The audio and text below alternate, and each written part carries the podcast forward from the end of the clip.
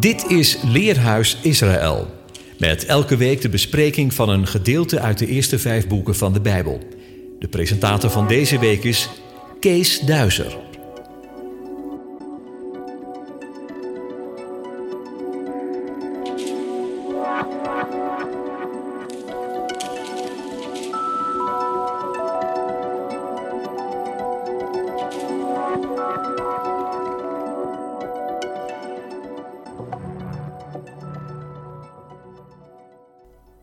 Shalom luisteraars, welkom bij deze nieuwe uitzending van Leerhuis Israël. In deze uitzending behandelen wij twee parashat, namelijk de parashat Gukat en de parashat Balak, die deze Shabbat samen worden gelezen. Gelezen wordt bemietbaar nummer vanuit hoofdstuk 19 vers 1 tot hoofdstuk 25 vers 9. Het is een hele kluif met veel thema's waarvan we er maar enkele van kunnen bespreken. Er moet een rode vaars worden verbrand en de as daarvan moet dienen voor het maken van reinigingswater. Mirjam sterft te Kades. Er is geen water voor de gemeenschap en het volk krijgt oneenigheid. Moshe moet tegen de rots spreken, maar hij slaat de rots met zijn staf. De rots geeft veel water, maar de eeuwige neemt het Moshe zeer kwalijk dat hij zo heeft gehandeld.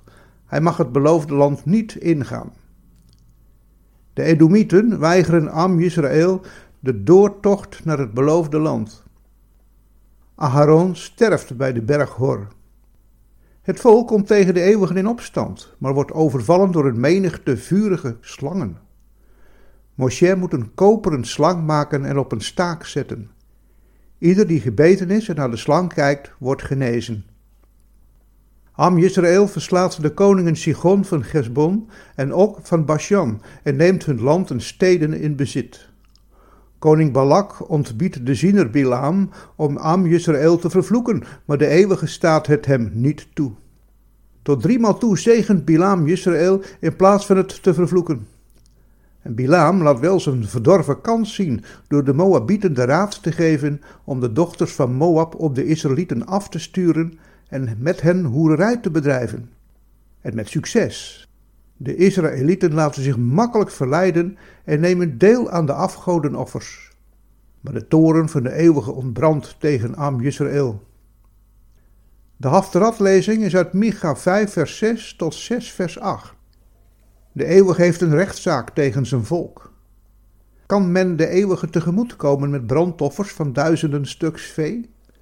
Wat de eeuwige vraagt is dit: niets anders dan recht te doen, goedertierenheid lief te hebben en ootmoedig te wandelen met God. De lezing uit het Berit HaGadesha, het vernieuwde verbond, is uit Jochanan, Johannes, 3 vers 10 tot vers 21.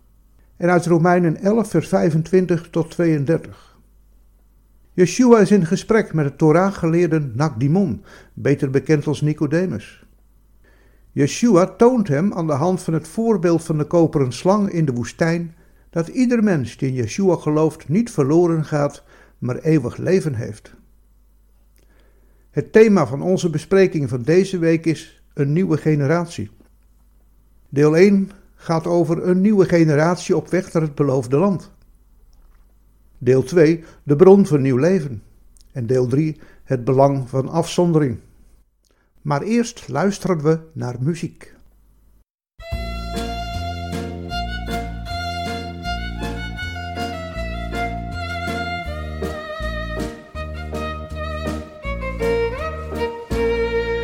Schön wie die Levone, lichtig wie die Sterne, von Himmel am Atune, bist du mir sie geschickt, mein Glück hab ich gewinnen, wenn ich hab dich gefunden, die scheint wie tausend Sinnen, die hast mein Herz beglückt. Deine zähnlich weiße Perle, mit deine schöne Augen, deine Hände, deine Herrlich, hast mir sie gezeugen, schein wie die Levone, ich dig wie die Sterne, von Himmel am du mir sie geschickt. Der Moich is mir zermischt, Ich gehe in Psychist, geweißt allein nicht, wo sie will. Ich schäm sich, ich bin reut, die Zink ist bei mir teut. Ich kann nicht sagen, wo sie will.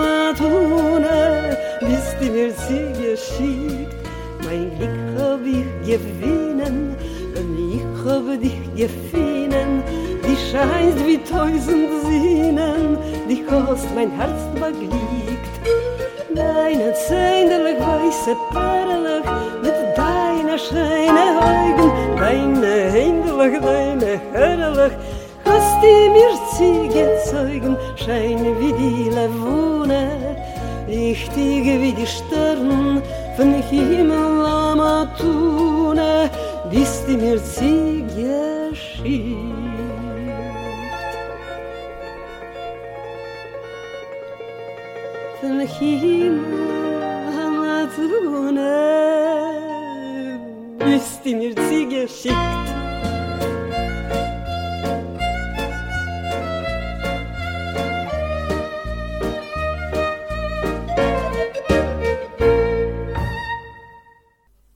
hoofdstuk 19 van Bamidbar Numeri begint een geheel nieuwe fase in de geschiedenis van Am Yisrael.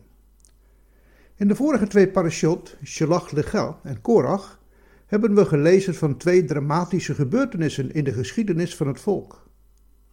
Eerst werden de twaalf verkenners uitgezonden naar het land Canaan, die terugkwamen met wilde verhalen over reuzen en sterke steden en het volk zo erg ontmoedigden dat het hele volk in opstand kwam tegen de eeuwige en Moshe en terug wilde naar Egypte.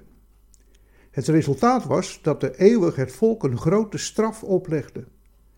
Het volk moest net zo lang in de woestijn ronddolen totdat de gehele generatie van twintig jaar en ouder was gestorven in de woestijn. Veertig jaar lang moest het volk in de woestijn blijven. In die tijd kwam Korach, een leviet, in opstand tegen Moshe.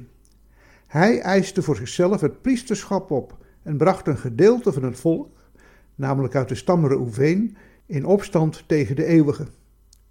Het oproer eindigt dramatisch. Korach en de families Dathan en Aviram worden met hun tenten en al verzwolgen door de aarde. De 250 mannen uit de aanhang van Korach, die met hun vuurschalen wilden offeren, worden door het vuur van de eeuwige vernietigd. Het is uit de tekst niet te achterhalen, maar de geschiedenis van Korach vond waarschijnlijk plaats kort na het gebeuren met de twaalf verkenners. De middeleeuwse Joodse Torah-geleerde Nachmanides wijst erop dat Korach erin slaagde het oproer te ontketenen omdat het volk gedemoraliseerd was door de gebeurtenissen in Tabera en Kibrot Hatta'ava en het vooruitzicht om veertig jaar in de woestijn te moeten verblijven. De parashat Korach wordt afgesloten met bepalingen omtrent de rechten en plichten van de priesters, mogelijk om de positie van het Aaronitische priesterambt nog meer te bevestigen. Met de parashat Chukat begint een nieuwe fase in de geschiedenis van Am Yisrael. Dat blijkt uit hoofdstuk 20. Daar wordt ons eerst verteld dat Mirjam stierf in de woestijn Zin te Kades. Vanuit Kades braken ze op en kwamen bij de berg Hor. Daar stierf Aharon. In Bemidbar nummer 33 treffen wij een complete lijst aan van alle plaatsen waar Am Yisrael zijn kamp had opgeslagen. Daar lezen we in vers 37 dat Yisrael vertrok uit Kades en zijn kamp opsloeg bij de berg Hor, aan de grens met Edom, en in vers 38 lezen wij dat daar Aharon stierf, in het veertigste jaar nadat Am Yisrael uit Egypte vertrokken was. De Torah rept niet over de gehele tijd dat het volk in de woestijn moest verblijven, bijna 40 jaar lang tussen het gebeuren met de twaalf verkenners, het drama met Korach en het begin van deze parasha. Het was de tijd van het sterven van een gehele generatie. We hebben het gelezen in Bemidbaar 14, vers 33 tot 35.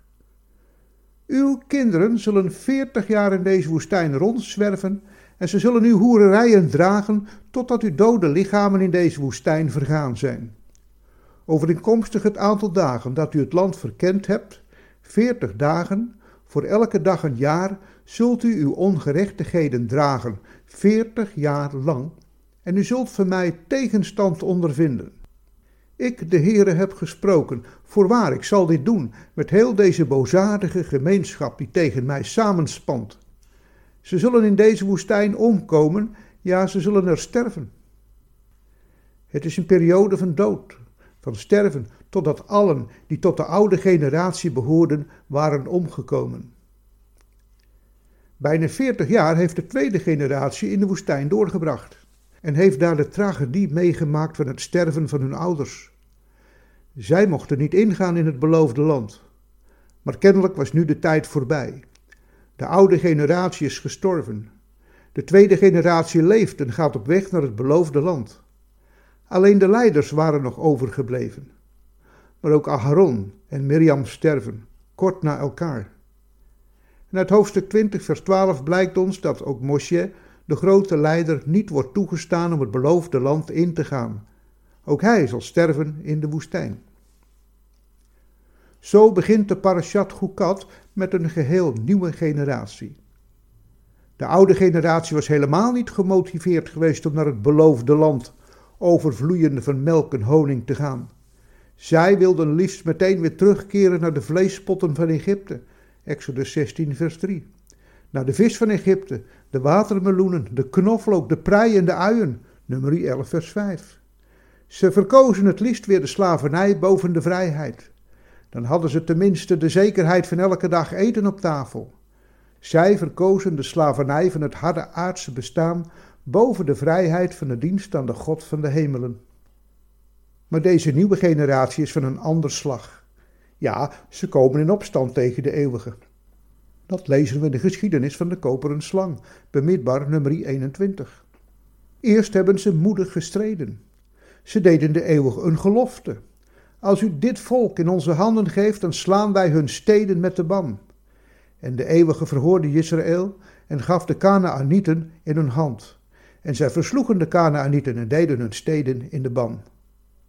Maar toen ze hoorden dat ze helemaal om het land Edom heen moesten trekken naar de Schelfzee, om bij het beloofde land te kunnen komen, zonk hun de moed in de schoenen. Ze konden het niet langer verdragen. Ze waren vol ongeduld. Ze wilden zo graag naar het land, overvloeiende van melk en honing, en nu moesten ze nog langer onderweg gaan. Hun ziel kon het niet langer verdragen.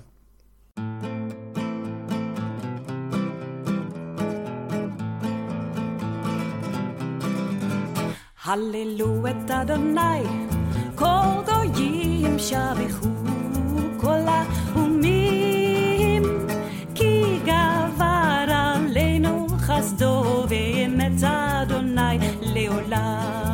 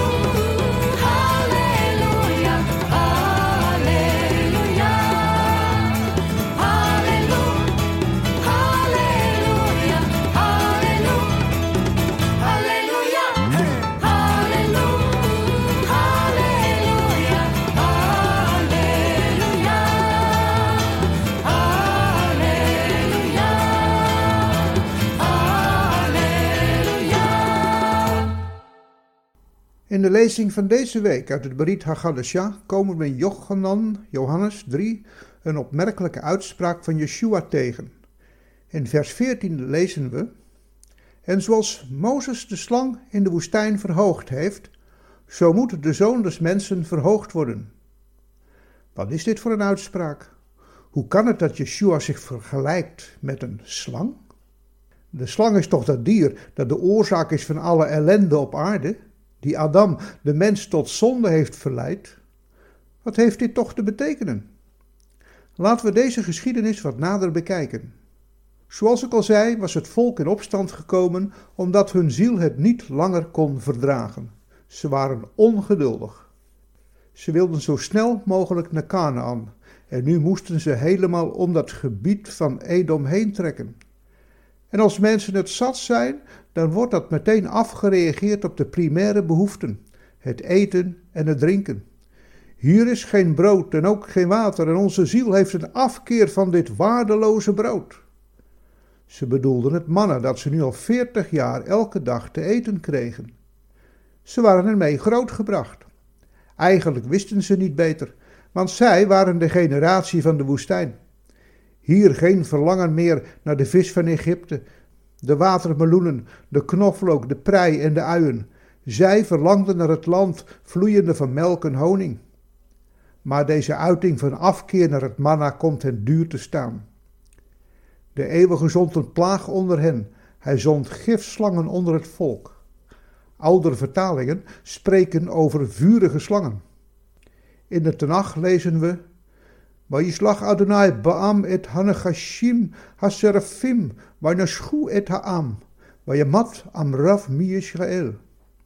En Adonai zond onder het volk de serafim slangen en ze beten het volk en er stierf veel volk onder Israël. Wat voor slangen waren dat? Vurige slangen? Seraphim-slangen? Sommige uitleggers leggen het verband tussen het gif dat uit de beten komt en dat waarschijnlijk heel pijnlijk en branderig aanvoelde. Vandaar de vertaling vurige slangen. Het woord seraphim is een afleiding van het werkwoord saraf, dat verbranden betekent. Het woord wordt ook gebruikt in Devarim, Deuteronomium 12 vers 31, waar Moshe vertelt over de gewoonte van de Kanaanieten om hun zonen en dochters te verbranden.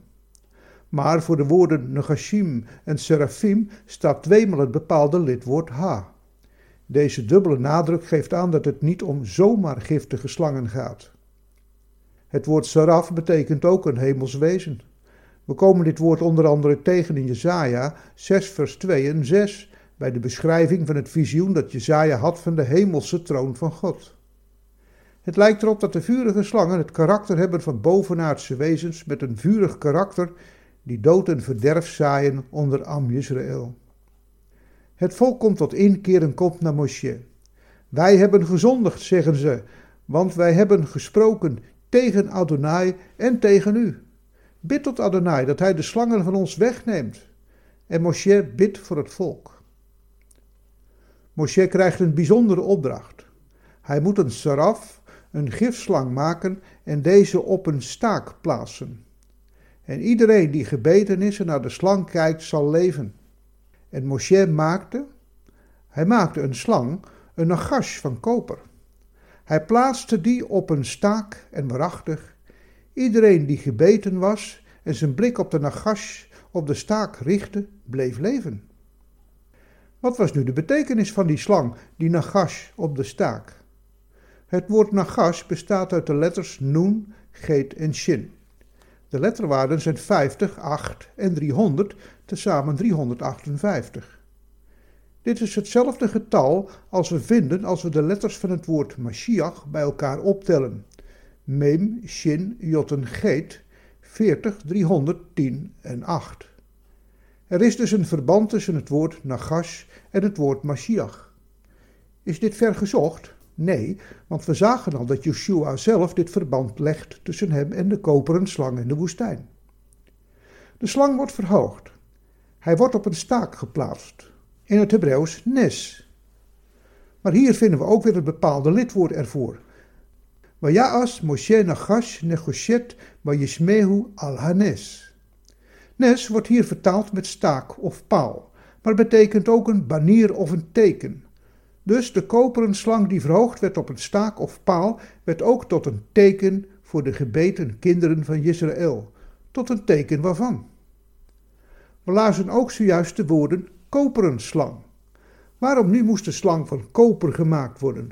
Waarom niet van een ander metaal, bijvoorbeeld van goud? In het Hebreeuws staat er nagash negoshet.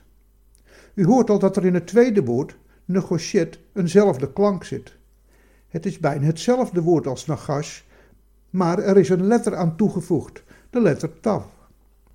Het woord taf betekent ook teken of merkteken. We komen het woord tegen in Jecheskeel, Ezekiel 9 vers 4. En de Heere zei tegen hem, trek midden door de stad, midden door Jeruzalem, en zet een merkteken op de voorhoofden van de mannen die zuchten en kermen over al de gruweldaden die in het midden ervan gedaan worden. Rashi, de grote commentator uit de 11e eeuw, schrijft dat bij de zalving van de priesters zij met de in zalfolie gedoopte vinger een teken op het voorhoofd krijgen in de vorm van een Griekse letter G. Dat is een kruis. De letter Taf had in het Oud-Hebreeuwse schrift ook de vorm van een rechtopstaand kruis. Wat is hiervan nu de betekenis? Koper, in het Hebreeuws negoshet, is de Messiach aan het kruis. Immers de Nagash is hier een beeld van de Messiach. Koper verwijst naar de gekruisigde Yeshua. Koper is ook een beeld van het oordeel. Immers aan het kruis droeg hij het oordeel dat over ons allemaal zou moeten komen. En is het niet het altaar, het brandofferaltaar, dat ook van koper moest worden gemaakt, dat het oordeel over Yeshua aan het kruis vertegenwoordigt, voorafschaduwt? Maar doordat hij, Yeshua, voor ons tot oordeel wordt en het oordeel dat God op hem heeft gelegd voor ons droeg, werd hij voor ons ook een bron van leven. Dat is gebleken toen hij op de derde dag weer uit de doden is opgestaan. Wij mogen leven door zijn dood aan het kruis. En we mogen leven doordat wij door het geloof één zijn met hem in zijn opstanding. Welnu, dat is wat hier in de woestijn ook gebeurde. Ze werden niet genezen of zo door een mysterieuze werking van de koperen slang. Het is mooi te lezen wat er staat in de Mishnah, traktaat Rosh Hashanah 29b. Op dezelfde manier verklaren wij, uit bemidbaar 21 vers 8, Hashem zei tegen Moshe, maak voor jezelf een slang en zet die op een stok en ieder die door een slang is gebeten en die er naar kijkt, die zal leven. Kan een koperen slang doden of genezen? Echter, het betekent, wanneer Israël omhoog keek en zich onderwierp aan hun vader in de hemel, dan werden zij genezen.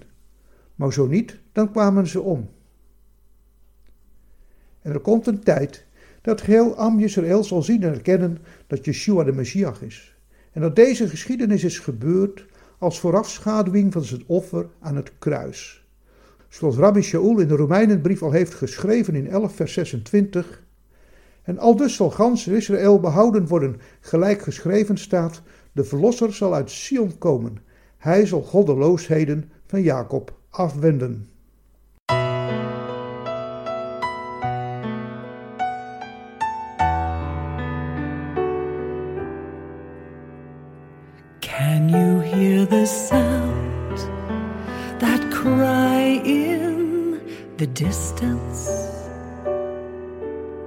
Heaven has come down and kissed the atmosphere. The rules calling children, listen. Zion, heed the voice of Yahweh. Prepared for you a place, a rest unlike no other.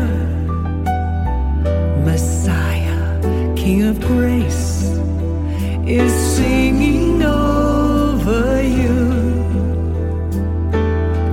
It's a song composed just for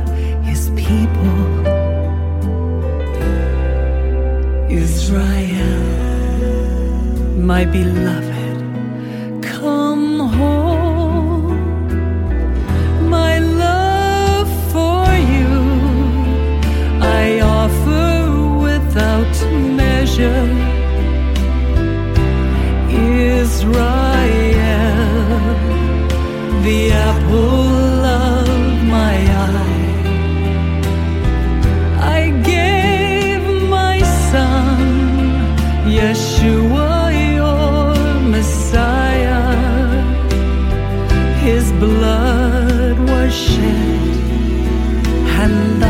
fulfilled my plan.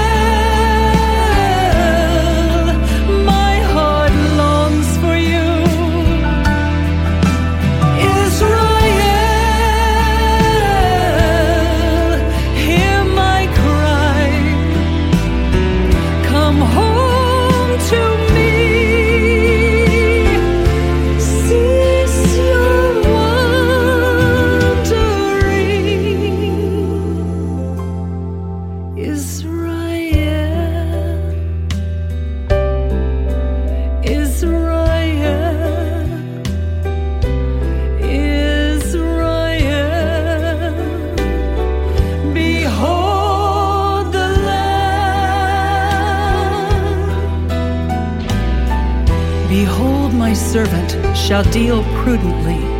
He shall be exalted and extolled and be very high. Just as many were astonished by you, so his visage was marred more than any man, and his form more than the sons of men. So shall he sprinkle many nations. Kings shall shut their mouths at him. For what had not been told them, they shall see, and what they had not heard,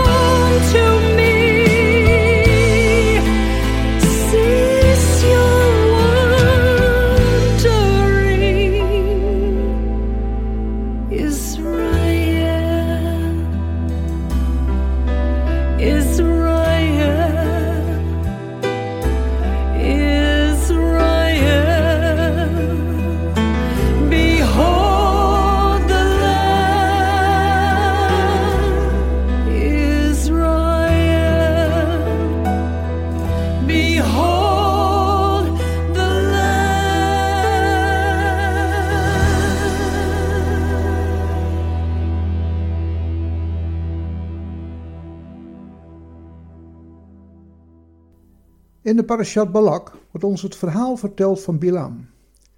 Deze waarzegger werd door Balak, de koning van Moab, gevraagd om Am Israël te vervloeken. Want, dacht Balak, het volk is te sterk voor mij, dat wij het zouden kunnen verslaan. Hij zocht zijn heil tot occulte middelen.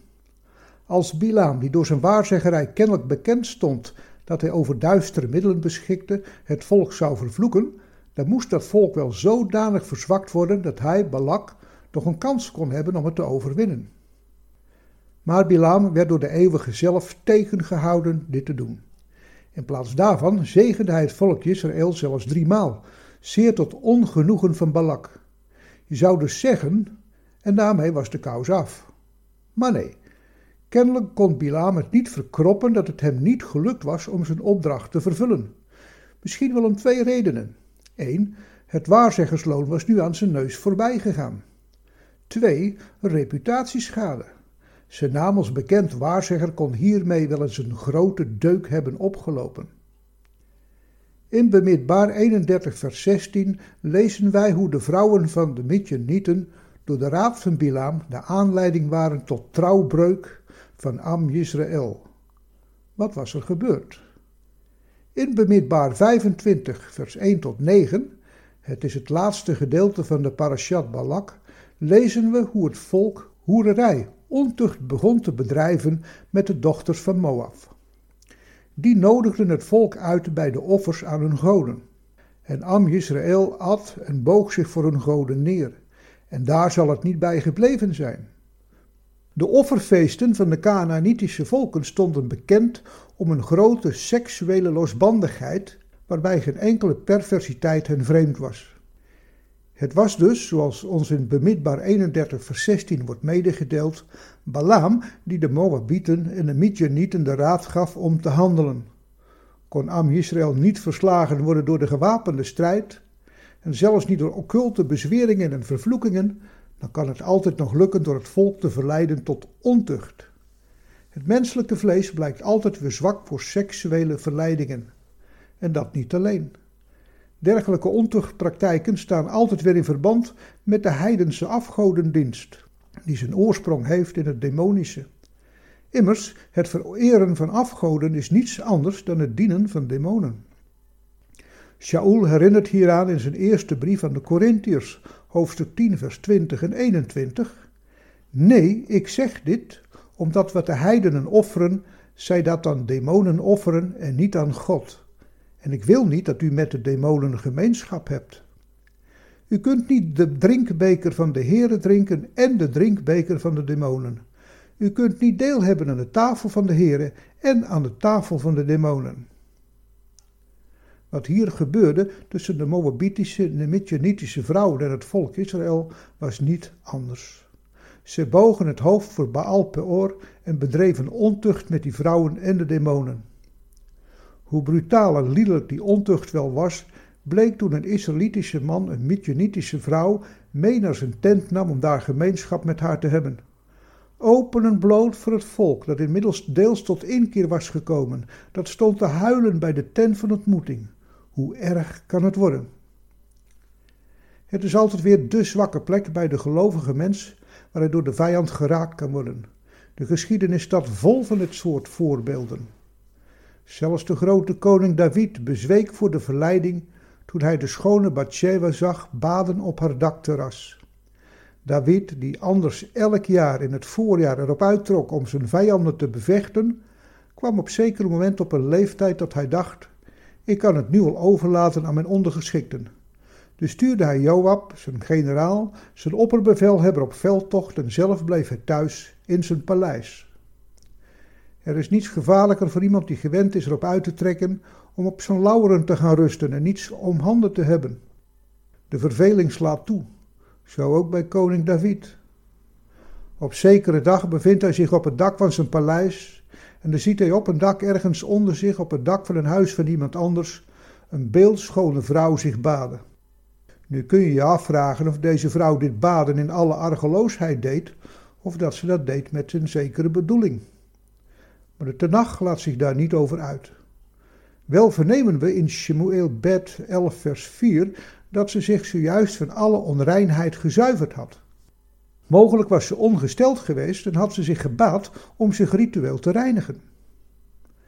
Maar het is meteen duidelijk dat de aanblik van die beeldschone, badende vrouw van alles wakker maakt bij de koning. Ten eerste is hij man. Hij heeft er al zo'n zes à zeven vrouwen, maar een koning wil altijd meer. En tenslotte is hij de koning. Wie zal hem ergens van afhouden? Zo wordt Bathsheba bij de koning ontboden en er worden geen doekjes omgewonden. De koning duikt met haar in de koninklijke koffer, waarna ze weer naar huis mag terugkeren. U kent het verdere verloop van de geschiedenis. De zaak loopt uit de hand als blijkt dat Bathsheba zwanger is en er van alles moet gebeuren om te verhullen dat ze zwanger is, terwijl haar man Uria niet thuis is en overspel met de koning aan het licht dreigt te komen. Het schandaal loopt slecht af. Uria wordt door een complot tussen de koning en zijn veldheer Joab om het leven gebracht.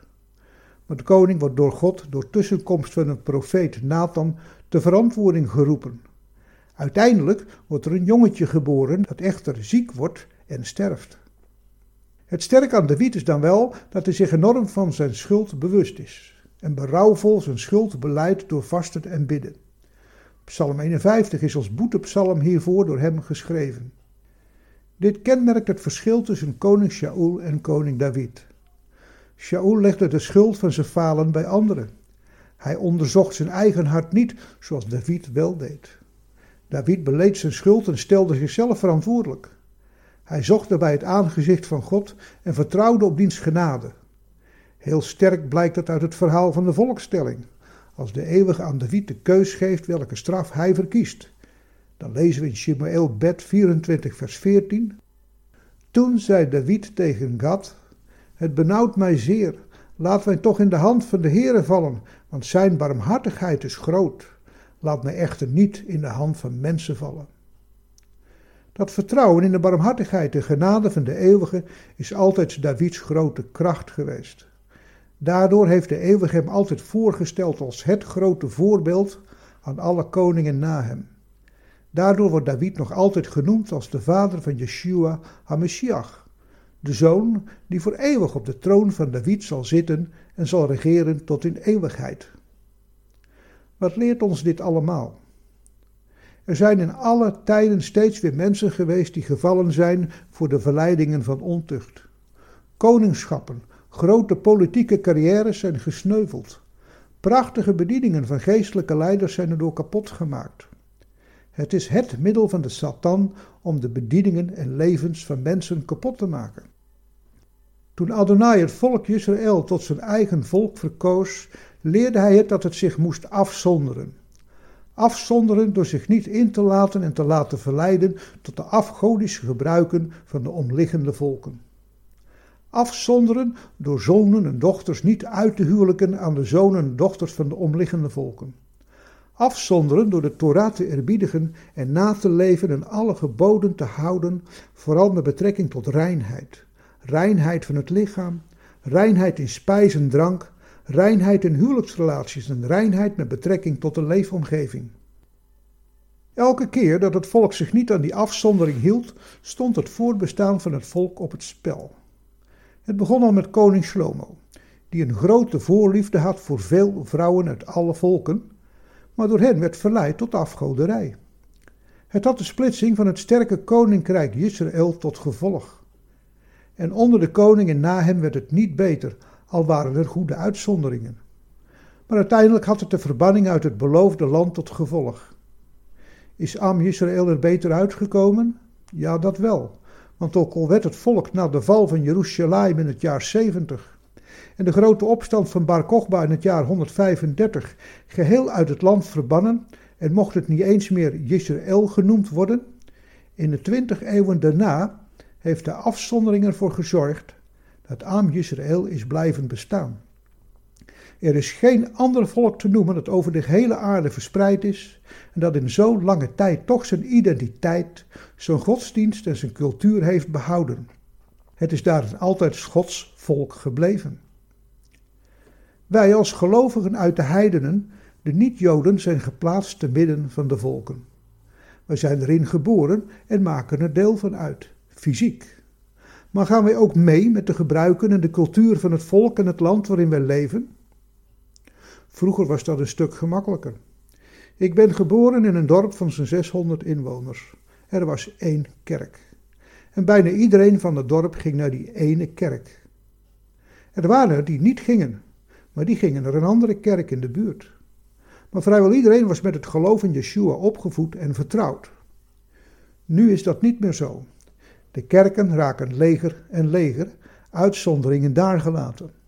Andere culturen hebben ons land inmiddels overspoeld en vreemde godsdienstige of duidelijk afgodische gebruiken zijn gemeengoed geworden. Humanistische en liberale ideeën winnen steeds meer terrein in het publieke debat en zetten de geloofsgemeenschappen onder druk, die trouw willen blijven aan de Heilige Schrift. Dat is het woord van God. Het wordt steeds duidelijker dat de humanistisch-liberale ideeën omgezet worden in daden op het gebied van seksuele relaties, abortus, levensbeëindiging en het onderwijs. Het onderwijs dat gebaseerd is op het woord van God wordt steeds meer onder druk gezet om deze humanistisch-liberale idealen over te nemen. De strijd om de vrijheid van het geloof in het evangelie van Yeshua zal toenemen. En daarin mogen wij deze les leren van Am Yisrael, dat in twintig eeuwen van verstrooiing, onder de meest moeilijke omstandigheden van vervolging, verdrukking en haat, toch zijn identiteit, zijn geloof en zijn godsdienstige cultuur wist te behouden. In de afzondering, te midden van haat en verdrukking van de volkeren waarheen ze waren verstrooid, bleef Am Yisrael wat het altijd is geweest, Gods eigen volk. En zo worden wij er ook toe opgeroepen om onszelf te blijven met Am Yisrael. Want u bent een uitverkoren geslacht, een koninklijk priesterschap, een heilig volk een volk dat God zich tot zijn eigendom maakte, opdat u de deugden zou verkondigen van hem die u uit de duisternis geroepen heeft tot zijn wonderbaar licht. 1 Petrus 2 vers 9. Laten wij zo in die afzondering blijven leven te midden van de volken om ons heen. De liefde en de genade van Yeshua verspreidend door de goede werken te doen die de eeuwige van tevoren voor ons heeft bereid. Ik besluit met de woorden van Rabbi Shaul uit de Romeinenbrief 12, vers 1 en 2. Ik vermaan u dan, broeders, met beroep op de barmhartigheden Gods, dat gij uw lichamen stelt tot een levend, heilig en Gode welgevallig offer. Dat is uw redelijke eredienst. En wordt niet gelijkvormig aan deze wereld, maar wordt hervormd door de vernieuwing van uw denken, opdat gij moogt erkennen wat de wil van God is, het goede, welgevallige en volkomene. Ik wens u een heel rustig weekend toe en blijf vooral gezond. Shabbat Shalom. U luisterde naar het programma Leerhuis Radio Israël. Een wekelijkse studie aan de hand van de Bijbelgedeelten die wekelijks door de Joodse gemeenschap worden gelezen. Heeft u een vraag of opmerking? Stuur dan een e-mail naar info-apenstaatje radioisrael.nl. Het leesrooster vindt u op onze website. Ga naar radioisrael.nl en klik onder het kopje radio op programma's.